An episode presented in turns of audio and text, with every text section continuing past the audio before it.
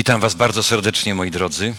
Cieszę się ogromnie, że możemy spotkać się dzisiaj tak bezpośrednio, en face i że e, mam ten wielki zaszczyt dzielić się pewnymi treśćmi Słowa Bożego, które mam nadzieję, że dotkną naszych serc. Kochani, ostatni raz byłem u Was no, dobry rok temu. I dla mnie zawsze takim wyzwaniem i to takim też ogromnym stresem jest stawać tutaj przed tym zacnym audytorium, ale zwłaszcza przed Panem Bogiem, który przecież ocenia to, w jaki sposób staramy się skądinąd nieudolnie, ale reprezentować Jego imię. Jeszcze raz pozdrawiam zbór warszawski w imieniu korespondencyjnej szkoły biblijnej, w imieniu ośrodka radiowo-telewizyjnego Głos Nadziei, a także wydawnictwa Znaki Czasu, instytucji, w których pracuję i które są Wam z pewnością dobrze znane, instytucji misyjnych. Moi kochani, tytuł mojego rozważania, jak zauważyliście, brzmi Obiecane ożywienie. I nie jest to przypadkowy tytuł, a dlatego, że wiąże się z pewną dość interesującą rzeczą. I pozwólcie, że swoje wystąpienie rozpocznę od zadania Wam pewnej zagadki, pewnego yy, zadania do rozwiązania.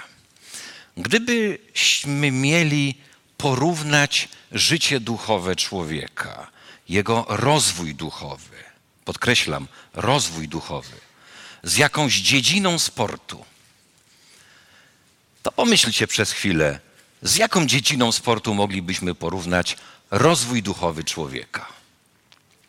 Jestem ciekaw Waszych spostrzeżeń, skojarzeń i może nierzadkich, oryginalnych odkryć. Proszę bardzo. Tak, z bokserstwem, tak, tak. Apostoł Paweł pisze, że jesteśmy na ringu, bracie, świetnie. To jest dobra, dobra myśl. A z biegiem maratońskim, tak, też jest powiedziane, że, że ci, którzy dochodzą do końca, wieniec swój niosą, wieniec zwycięstwa. No to ja was może zaskoczę dzisiaj troszeczkę, bo ja porównałem to z czymś absolutnie nietypowym. e, oczywiście jak spoglądacie na ten slajd, możecie zauważyć, że pokazuje on no, dość ma, mało popularną w Polsce dziedzinie sportu, jaką jest surfing, dlatego że my nie mamy możliwości korzystania z takich pięknych fal. Ale rzeczywiście surfing jako ten ślisk na desce po wodzie, jak za chwileczkę odkryjemy, ma wiele wspólnego z rozwojem chrześcijańskim człowieka. Z kilku powodów. I teraz się troszeczkę powymądrzam, przepraszam z góry, ale powołam się na słowa, które zasłyszałem od pewnej znanej mi osoby. Może bardzo znany, bo tą osobą jest mój zięć. E, w ubiegłym roku mój zięć, Artem, wybrał się na kurs surfingu do Portugalii. Powiedział, tato, ja chcę popróbować nowej dziedziny sportu, zmierzyć się jako młody mężczyzna z tą niełatwą dyscypliną. Rzeczywiście dwa tygodnie udziału w tym kursie sprawiły, że, że no, czegoś tam się nauczył. Kiedy wrócił, zapytałem go jeszcze w tym tygodniu, potwierdzałem pewne szczegóły i powiedziałem, słuchaj, powiedz mi coś o tym sporcie, bo on mnie fascynuje. Powiedział, no, no wiesz, słuchaj, to nie jest takie proste. Trzeba dużo sprawności, umiejętności zachowania równowagi, no wiele, wiele, wiele treningów.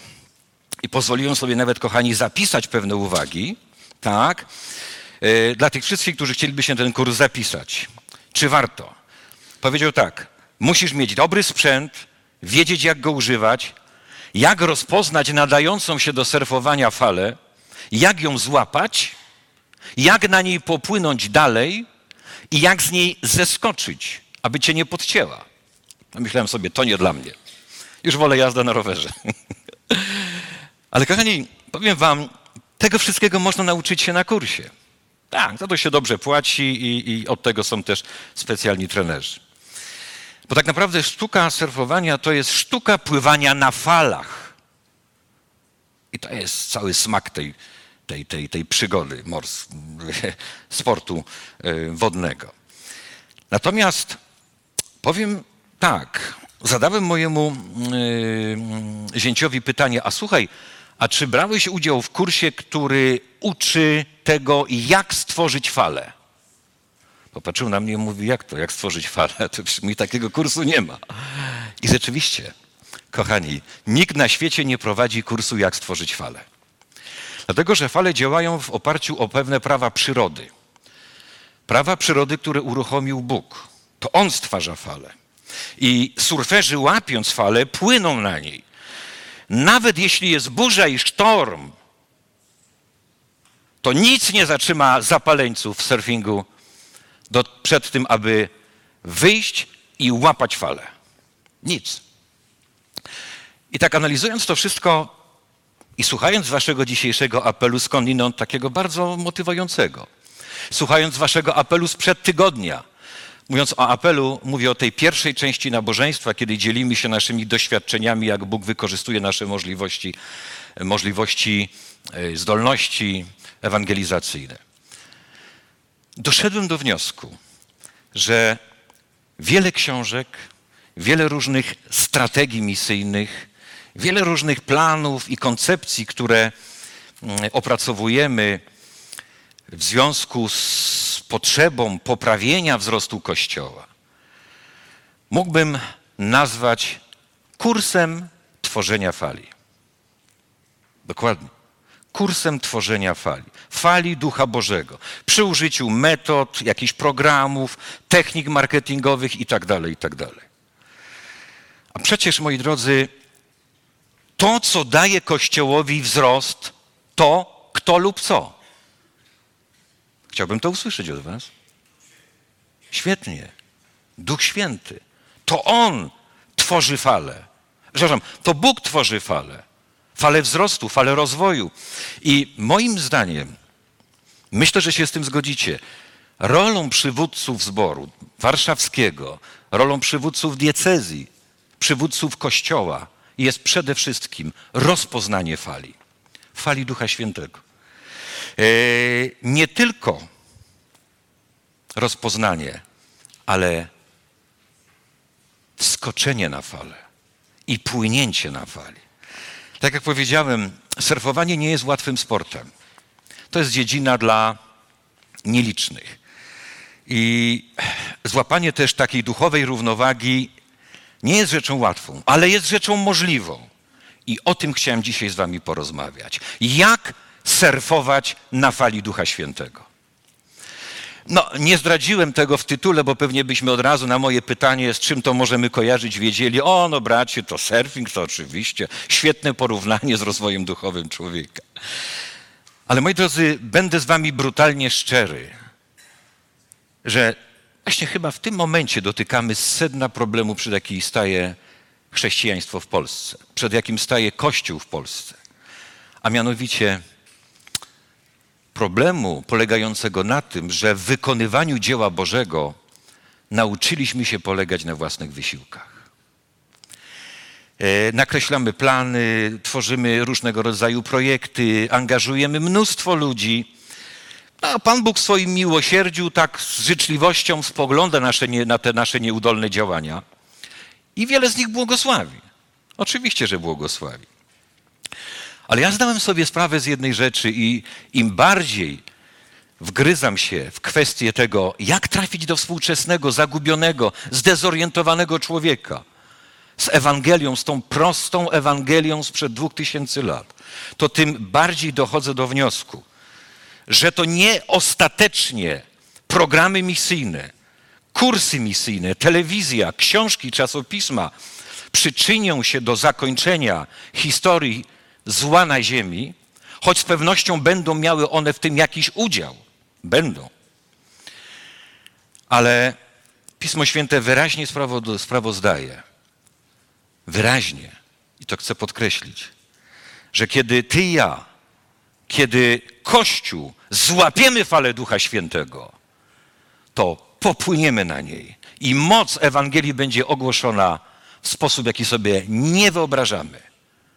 I na tym powinna polegać cała nasza koncentracja. Cała nasza koncentracja na złapaniu fali. Wielkiej fali, która wreszcie porwie nas na serio. Żyję tym tematem od jakiegoś czasu i kiedy w ubiegłym roku dzieliłem się z wami pewnymi przemyśleniami, też zwracałem na to uwagę. Bo myślę, że pamiętacie jeszcze, jak Jezus powiedział do swoich uczniów, powiedział, chłopcy, chłopcy, nie wybierajcie się dalej jak poza Jerozolimę, nie poradzicie sobie. Wyzwania, jakie was czekają, przerosną was. I oni wiedzieli, że ich mizerne wysiłki niewiele pomogą w dostarczeniu czy w przekazaniu informacji o zmartwychwstaniu. Stąd też w dziejach apostolskich, pozwolicie, że zacytuję, w rozdziale pierwszym od, od wiersza czwartego po ósmy, Pan Jezus mówi nie oddalajcie się z Jerozolimy, lecz oczekujcie obietnicy Ojca, o której słyszeliście ode mnie. Jan bowiem chrzcił wodą, ale wy po niewielu dniach będziecie ochrzczeni Duchem Świętym. Duchem Świętym.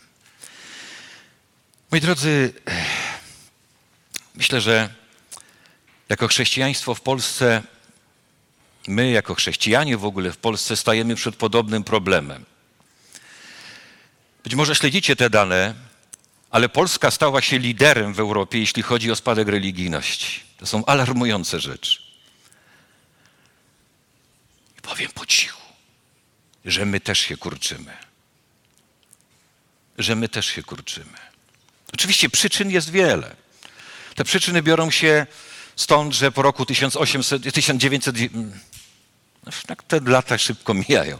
Po 1989, e, kiedy doszło do zmian na scenie politycznej, gospodarczej, ludzie powiedzieli: My chcemy decydować sami o sobie.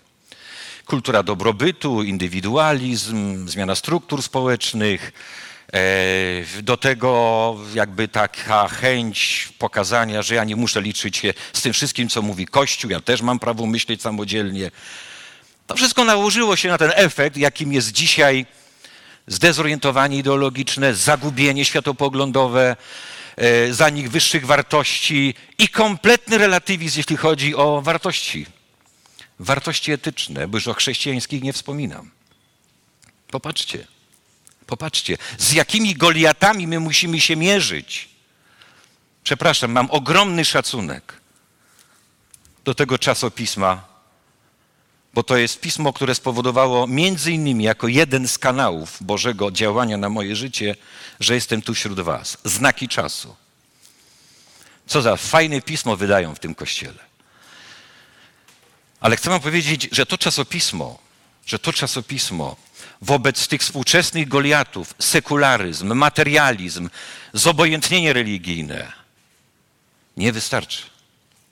Bez fali Ducha Świętego nie wystarczy. Naprawdę, jeśli jeszcze bym mógł, a, a mam z tym coraz większy problem, rwie sobie nieraz włosy z głowy, a sądzę, że niedługo będę musiał polerować kopułę, zamartwiając się tym, co zrobić, aby moc Ewangelii, aby moc Ewangelii dotarła do 38 milionów ludzi w tym, Polsce, w tym kraju.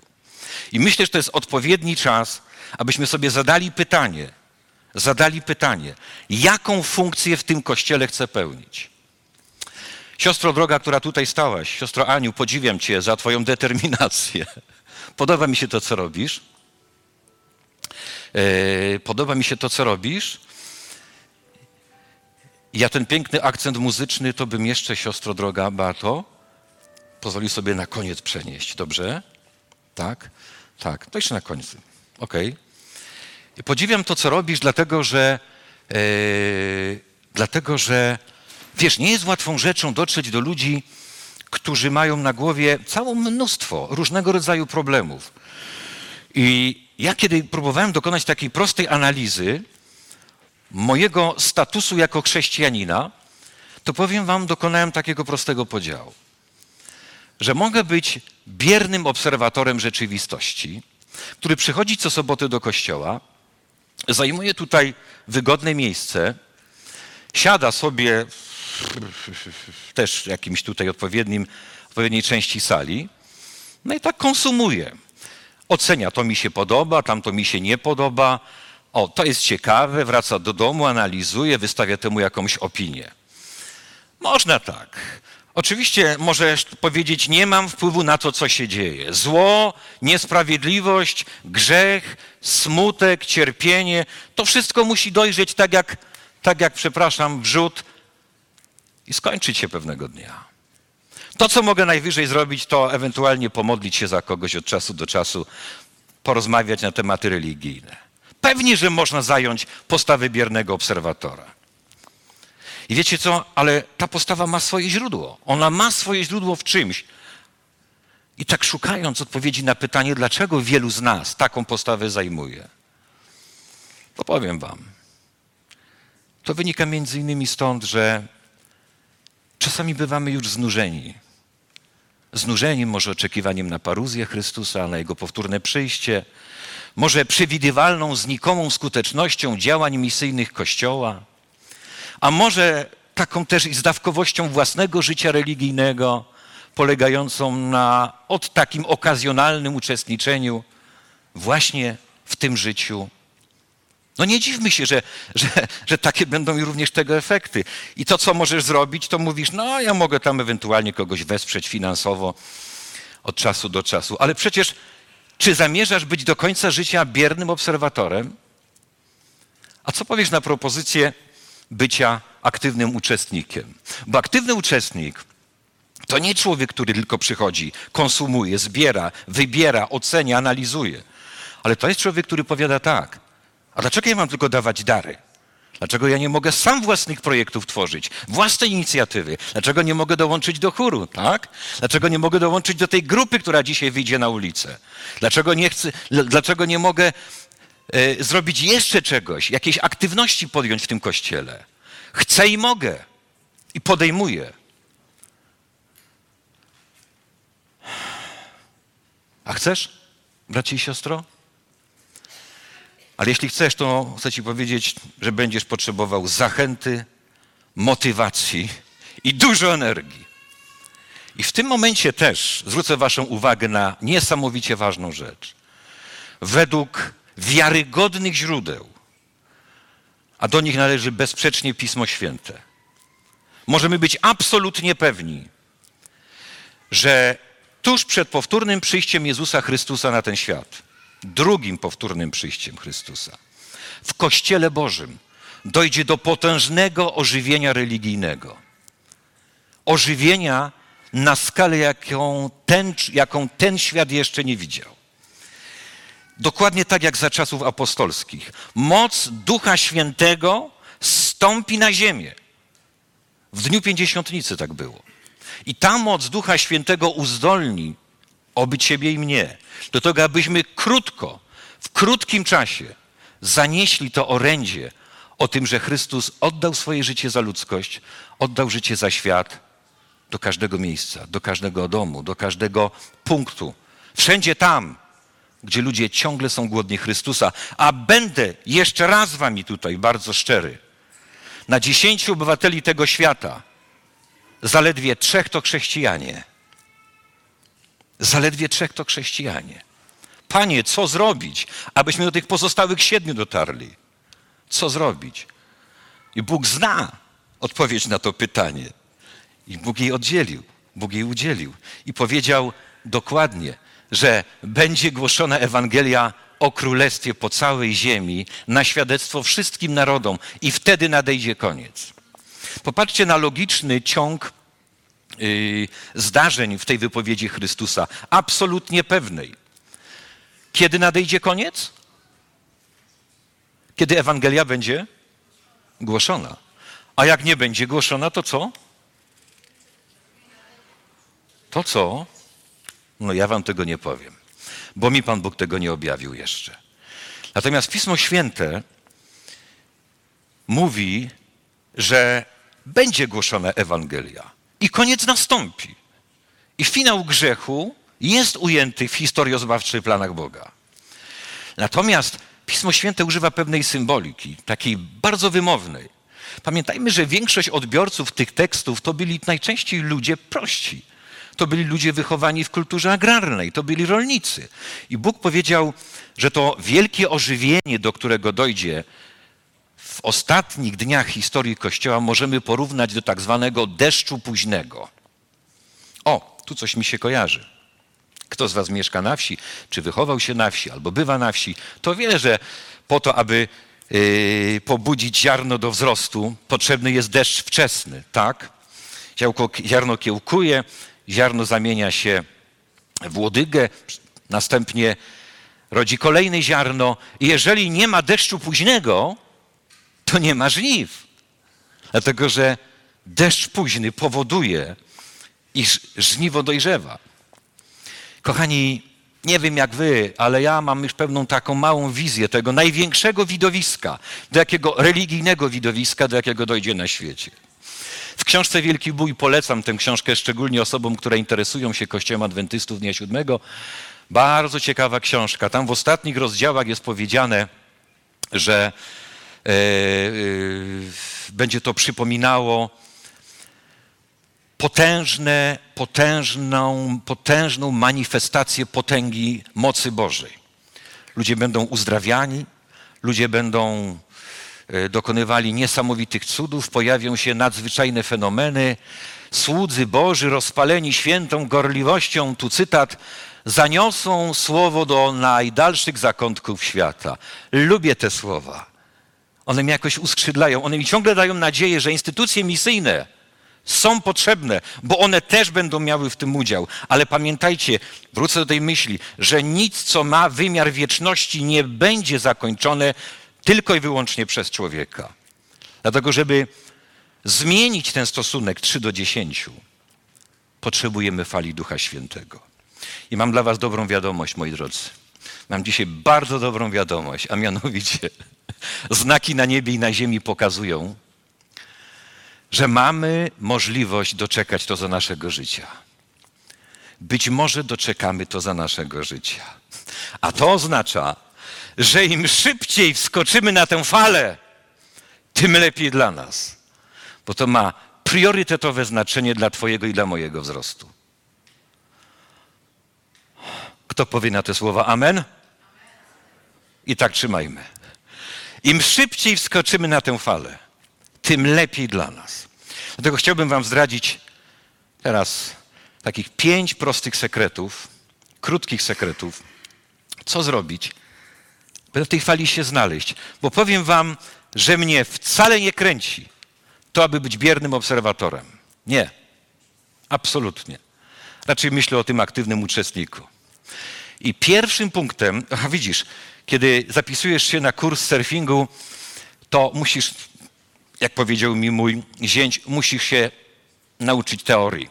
Zanim ci dadzą deskę, puszczą cię na wodę, musisz zakuć parę takich pojęć, poćwiczyć troszeczkę.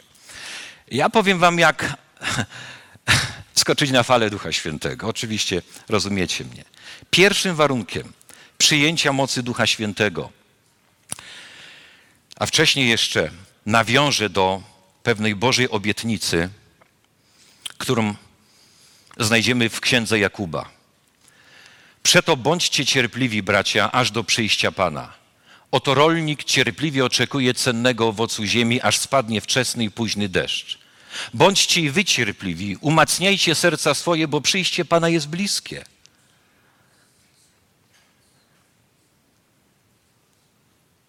I wypowiedź ze Starego Testamentu, a wy dzieci Syjonu, wykrzykujcie radośnie i weselcie się w Panu, swoim Bogu, gdyż da wam obfity deszcz jesienny i ześlę wam jak dawniej deszcz, deszcz jesienny i wiosenny. Czy my gdzieś w tym swoim całym przetologizowaniu, czy w tym całym swoim zagubieniu, można powiedzieć, e, w, w kierunkach dzisiejszego świata, w różnych prądach, w różnych, w różnych koncepcjach na, na, na rozwiązanie problemów globalnych tego świata. Czy my gdzieś nie zagubiliśmy tych cennych obietnic? Bóg mówi: czekajcie na późny deszcz. To przyjdzie. Ale Chrystus powiedział, i to jest pierwszy warunek przyjęcia mocy Ducha Świętego. Pierwszym warunkiem jest prośba o otrzymanie Ducha Świętego. Kochani, jak to rozumiem? To jest Twoja szczera otwartość na Jego wpływ. To jest to, kiedy zaczynasz interesować się tym tematem. Kiedy dochodzisz do ściany i widzisz, że grunt nie jest odzyskiwany, Że drukujesz tysiące gazet, ulotek, produkujesz audycje, a grunt nie jest odzyskiwany. I mówisz, koniec. Tu się skończyły moje możliwości. Moja instytucja już nie wychodzi naprzeciw oczekiwaniom potrzeb Kościoła. Dlatego Chrystus powiedział dokładnie. Powiedział tak. Jeśli więc wy, którzy jesteście źli, umiecie dobre dary rzeczy, dobre, dobre dary dawać dzieciom swoim, o ileż bardziej Ojciec Niebieski da Ducha Świętego tym, którzy Go proszą. Z kolei prorok Zachariasz podpowiada, proście Pana o deszcz późnej pory deszczowej. Rozumiesz? Zacznij o tym myśleć. Kręcić się koło tego tematu. Zacznij prosić w tej sprawie. Dokładnie tak jak uczniowie wtedy prosili o chrzest Ducha Świętego. I Bóg odpowiedział. Bóg odpowiedział. W Dniu Zielonych Świąt. Dlatego, że oni zdawali sobie sprawę, że o swoich marnych i mizernych siłach nie są w stanie sprostać temu zadaniu. I nie byliby w stanie. Nie byliby. Tak jak my nie jesteśmy. Dzisiaj stajemy przed podobnymi wyzwaniami, jak już wspomniałem, sekularyzm, obojętność, upadek wartości moralnych i tak dalej, i tak. To wszystko przed nami. I to jest chyba najważniejszy powód, abyśmy zaczęli błagać, już nie mówię prosić, błagać o moc Ducha Świętego. Jako Kościół, jako jednostki, jako grupy, indywidualnie. I powoływać się na Bożą obietnicę. Proście, a będzie wam dane, szukajcie, a znajdziecie. Możemy to robić regularnie, możemy to robić sami i mamy zapewnienie samego Boga, że jeśli zaczniesz to robić, to to zacznie działać i On pośle falę swojego ducha. Twoja postawa jest dla Boga znakiem sygnalnym. Twoja postawa. Moi kochani, drugi warunek, drugi sekret, drugi sekret. Adwentystyczna pisarka Ellen G. White z natchnienia Bożego napisała takie słowa. Powinniśmy tak gorliwie modlić się o stąpienie Ducha Świętego, jak modlili się uczniowie w dniu pięćdziesiątnicy.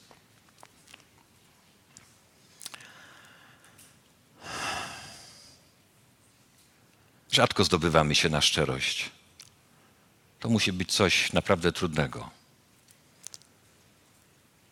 A ja naprawdę nigdy się nie modliłem jeszcze tak o Ducha Świętego, jak modlili się uczniowie tam, w górnej sali. Choć zaczynam modlić się częściej. Boże, bądź miłościw, jeśli tak jeszcze nie modliliśmy się. I drugim ważnym komunikatem jest to, co, powiadają, co podają dzieje apostolskie. Ci wszyscy trwali jednomyślnie w modlitwie z niewiastami i z Marią i Matką Jezusa Chrystusa. Oni trwali jednomyślnie. Drugim warunkiem, jaki możesz, czy drugim elementem kursu surfowania, jest Twoje niepodzielne serce. I powiem Wam, to jest nie takie proste. Niepodzielne serce. Pisa, pisząc te myśli, tworząc je, zastanawiałem się, jak to wyrazić prościej.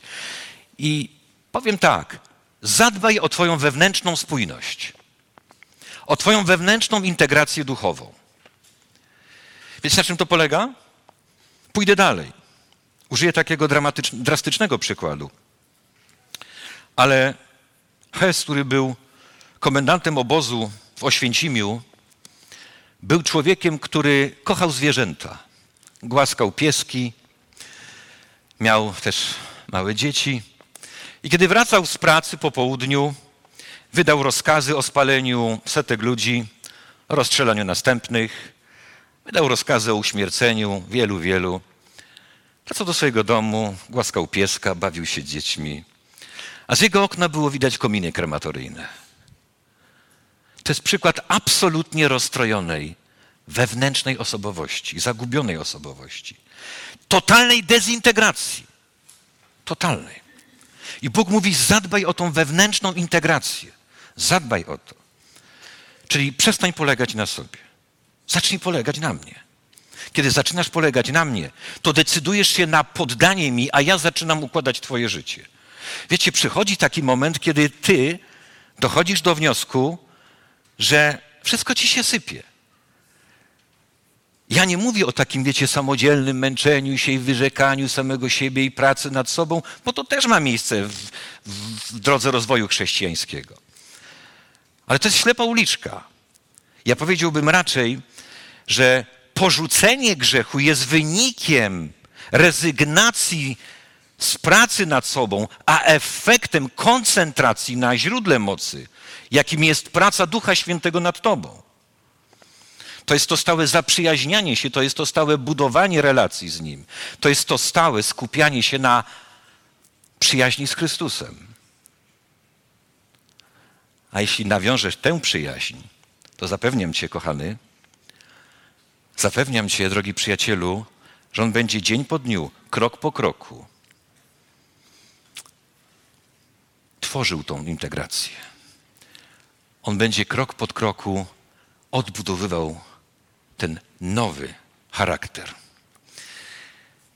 Moi kochani, no niestety jesteśmy, przynajmniej ja, przesiąknięci jeszcze w jakimś procencie grzechem. Potrzebujemy przepalenia, takiego, wiecie, wytopienia, wytopienia, wytopienia. Trzeci warunek, o którym muszę koniecznie wspomnieć, to nasycenie umysłu Słowem Bożym. To jest sekret, który zdradzam Wam, a myślę, że wielu z Was mogłoby to tylko potwierdzić. Sekret przyjęcia Ducha Świętego. Bo musisz wiedzieć, że kiedy Ty otwierasz Słowo Boże, które zostało natchnione przez ludzi, przez Ducha Świętego, przez Ducha Świętego, wróć, przez Ducha Świętego, to ten sam duch wpływa na ciebie podczas jego lektury. Dokładnie ten sam duch. I nie możesz być napełniony Duchem Świętym, jeśli wcześniej nie jesteś napełniony Słowem. Psalmista Dawid wyraził to w taki sposób. Psalm 119.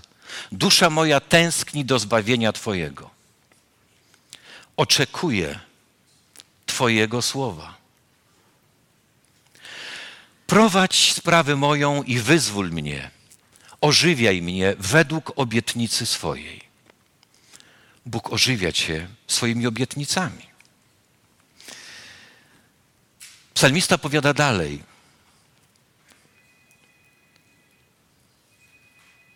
Dusza moja przylgnęła do prochu. Ożyw mnie według słowa Twego. Dusza moja zalewa się łzami ze smutku podźwignij mnie słowem swoim. Podźwignij mnie słowem swoim. A więc podstawą ożywienia, trzecim takim istotnym warunkiem jest przyjęcie słowa i to przyjmowanie go regularne. Kochani, czwarty warunek. Oj, z tym możemy mieć pewien problem. A może tylko niektórzy. Odrzucenie wszelkiej niezgody. Jak to rozumiem? Oczywiście pamiętacie te sytuacje z czasów Pana Jezusa, gdy uczniowie walczyli między sobą o lepszą pozycję, kiedy walczyli między sobą o to, aby być bardziej znanymi, cenionymi. Wtedy Duch Święty niewiele mógł dla nich zrobić. Kiedy walczyli o jakiś prestiż, o to, aby móc decydować za innych, mieć wpływ na nich, władzę, tak naprawdę moc Ducha Świętego była ograniczona. Ale jedynie kiedy zrozumieli, że usunięcie sporów i konfliktów pozwoli im sięgnąć po tę moc, wtedy moc Ducha Świętego została uwolniona. I Pismo Święte powiada tak, dokładnie. Dzieje apostolskie, drugi rozdział, wiersz pierwszy. Że w dniu Zielonych Świąt uczniowie byli wszyscy razem na jednym miejscu. Wszyscy razem. Ja sprawdziłem znaczenie tego słowa, tego słowa greckiego i ono może być tłumaczone na różny sposób. Ale w kontekście to słowo razem nie oznacza tylko, że byli w jednym pomieszczeniu. Można być w jednym pomieszczeniu i warczeć na siebie. Oni byli razem w tym znaczeniu, jak podaje kontekst, że po raz pierwszy osiągnęli zgodę i jedność między sobą. Rozumiesz? W tym znaczeniu byli razem. Oni byli zgodni co do tego, że muszą wreszcie zdecydować, że chcą oddać swoje życie dla Chrystusa, bo nie ma już odwrotu. I przed nimi świat, który czeka na ostatnie ratunkowe, no, na koło ratunkowe. Kochani, nie wiem, jak to jest w waszym zborze. Mam nadzieję, że dobrze. Oby jak najdłużej. Ale mówię do siebie. Czasami miewam w sobie takie bariery. Bariery, które mi utrudniają kontakt z drugim człowiekiem. Wiecie, coś nam ktoś czasami zrobi, w czymś zaszkodzi i tak zapamiętale o tym rozmyślamy. Zapamiętale. Ale przecież w istocie rzeczy, w istocie rzeczy tak naprawdę chodzi o co? No zgodźcie się ze mną lub nie. Tak naprawdę chodzi o to, aby uwolnić się od potępiania innych, nawet wtedy, kiedy na to potępienie zasługują. To są te szczyty chrześcijaństwa. To są te wyżyny. Tak jak Chrystus uwalnia nas od potępienia, mimo że na to uwolnienie też nie zasługujemy. Kiedy ja to zrozumiałem, to pewnego dnia już mówiłem o tym, zrobiłem sobie taką listę, listę ludzi. Tam były bodaj 23 nazwiska moich nauczycieli ze szkoły podstawowej, moich kolegów z podwórka, kogoś z rodziny i tak dalej. I powiedziałem, Panie Boże, ja sobie z nimi nie poradzę. Ile razy te nazwiska przychodzą mi na myśl, to przychodzą mi najgorsze wspomnienia. I tam jeszcze było paru członków zboru. I powiedziałem, Panie Boże, zabierz ode mnie. Zabierz ode mnie złe wspomnienia. Ja im wybaczam. I wiecie co, minęło parę lat i do mnie ta sprawa już nie wróciła.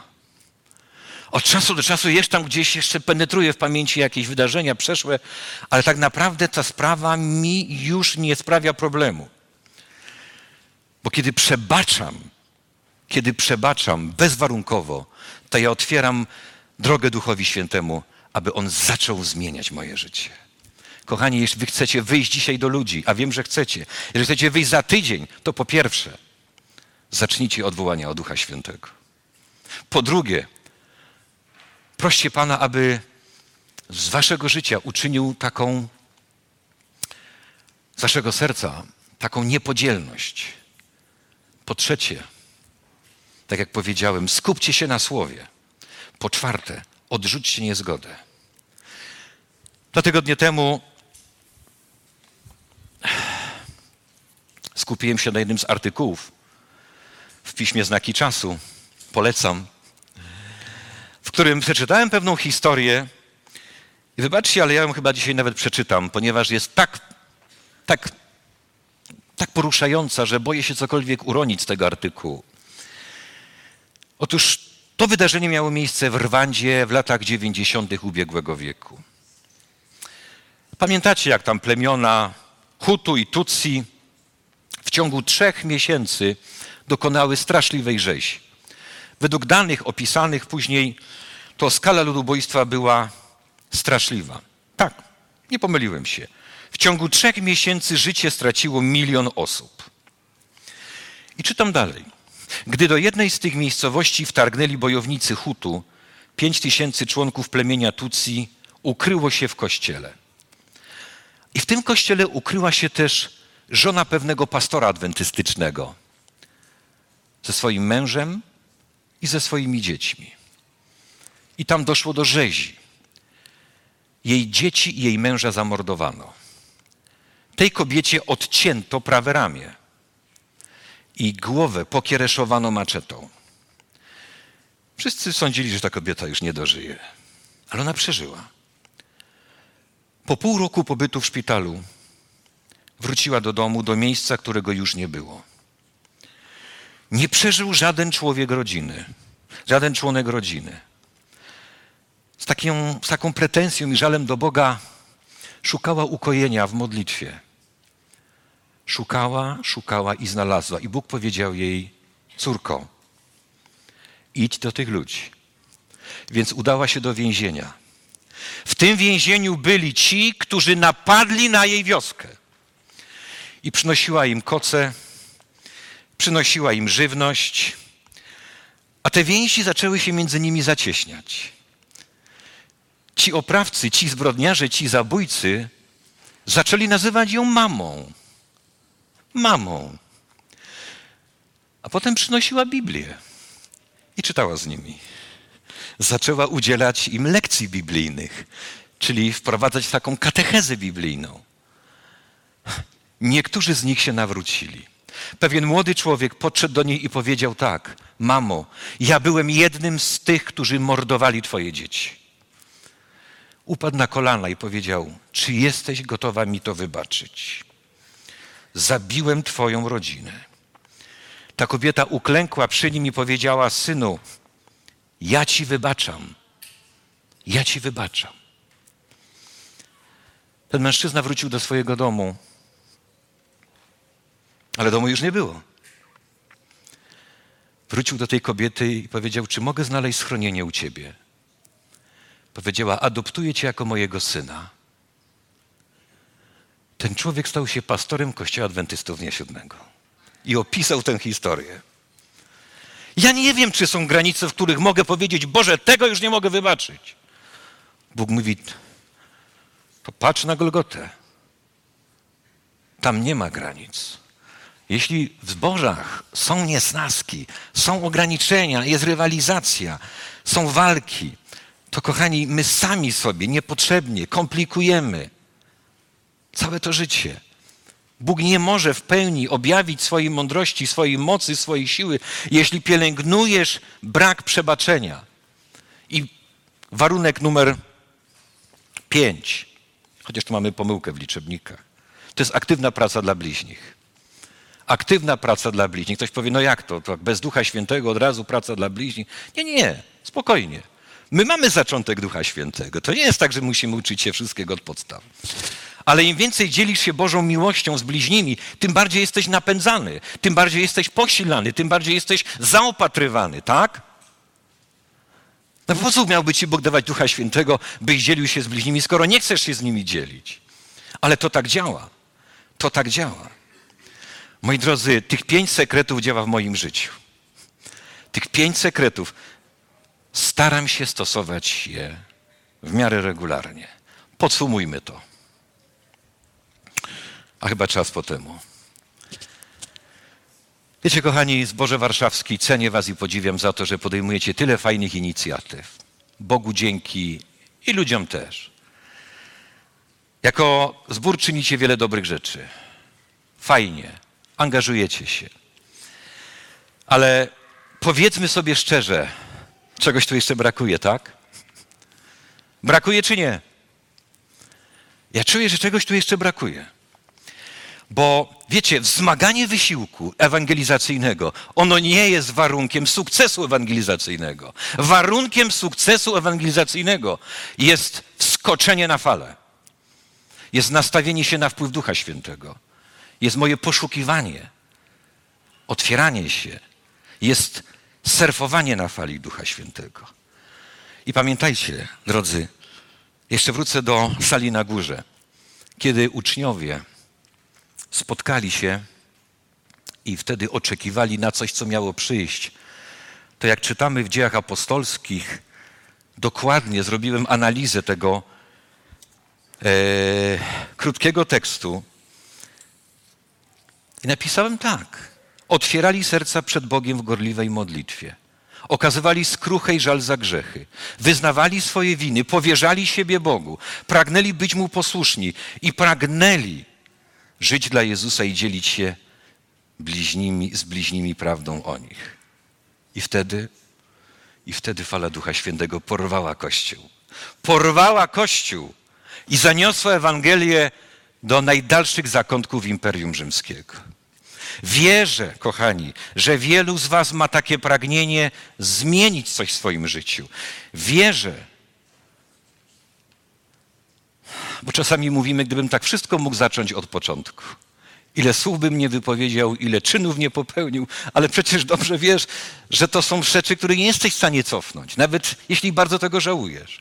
Ale Bóg przewidział coś tak fantastycznego jak odnowa i ożywienie. I podał nam pięć sekretów, prostych zasad. Co możesz z tym zrobić? Spróbuj. Spróbuj. Wyjdź z pozycji biernego uczestnika. I ta rzecz musi być kluczowa dla waszego zboru. Tylko chcę ci powiedzieć, bracie i siostro, że to wszystko zaczyna się od jednej osoby. Od ciebie. To się wszystko zaczyna od jednostek. I ty możesz być tą osobą, tak, dokładnie, ty, poprzez którą Bóg dokona zmian w twojej rodzinie, w twoim środowisku, w twoim zakładzie pracy, w twoim otoczeniu. Ty możesz być tą osobą. E, mało tego, powiem więcej. To wszystko zaczyna się też od takiej głębokiej autorefleksji. Od tego, kiedy zaczynasz reagować na głos Ducha Świętego i chcesz być mu posłuszny, a za tym idzie modlitwa, modlitwa, modlitwa. Taki jest porządek. Dlatego, że będę dzisiaj po raz trzeci brutalnie szczery. Dlatego, że żadnymi najfajniejszymi, pro, najfajniejszy, najfajniejszymi programami misyjnymi nikt nie sprowadzi Ducha Świętego na ziemię. Najlepszymi konferencjami na temat Ducha Świętego nikt nie sprowadzi go na ziemię. Nie ma takiej możliwości. Ale chcę Ci powiedzieć, że kiedy dojdziesz do momentu, kiedy zdasz sobie sprawę z faktu, że jesteś duchowym bankrutem i że jako Kościół jesteśmy bankrutem, kiedy nie prosimy o moc Ducha Świętego, a próbujemy przy sposobach tylko przy pomocy tylko i wyłącznie ludzkich metod zmieniać ten świat,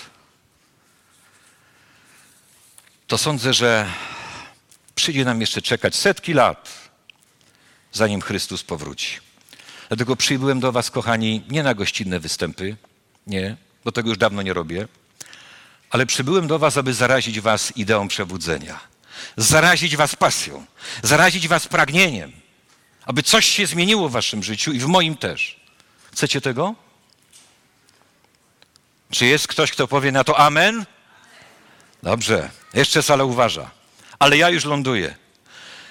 Moi drodzy, i absolutnie nie mam takich oczekiwań, nie wierzcie w to, bo ja sam nie wierzę, że jedno kazanie zmieni wszystko.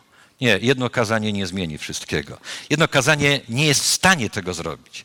Żaden kaznodzieja nie jest w stanie tego zrobić. Żaden człowiek nie jest w stanie tego zrobić. Nie. Ja nie spodziewam się też, że Pan Bóg zrobi o tak. Pstryk i co? I będzie inaczej?